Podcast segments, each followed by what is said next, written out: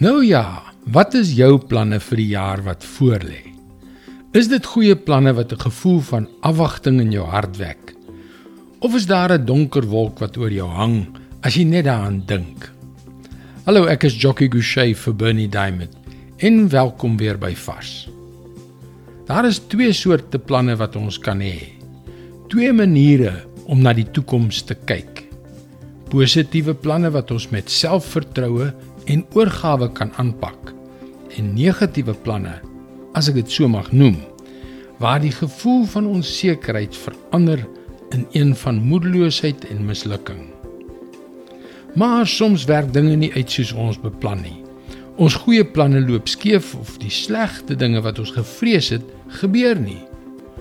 Nou ja, hoe omhels jy die jaar wat voorlê met al daardie onsekerheid? Hoe berei jy jouself voor met 'n realistiese verwagting vir enige gebeurlikheid? Wel, Jakobus 4 vers 13 tot 15. Kom nou, julle wat sê, vandag of môre sal ons na die en die stad toe gaan en 'n jaar lank daar bly. Ons sal sake doen en geld maak. Julle wat nie eers weet hoe julle lewe môre sal wees nie. Julle is maar 'n damp wat 'n oomblik verskyn en sommer weer verdwyn. Julle moet eerder sê as die Here wil, sal ons lewe en sal ons dit of dat doen. Daar het jy die antwoord.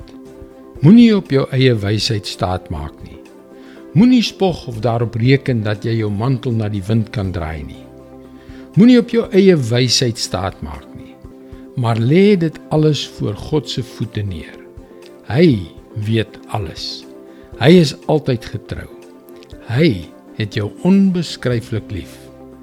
As die Here wil, sal ons lewe en sal ons dit of dat doen. Dit is God se woord vars vir jou vandag.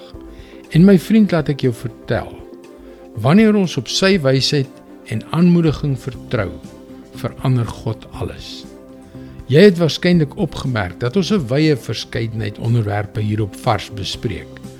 Jy kan gerus laat weet as daar enige onderwerpe is wat jy graag wil hê ek moet bespreek. Laat weet my asseblief by teachingtopics.org. Mooi loop. Tot môre.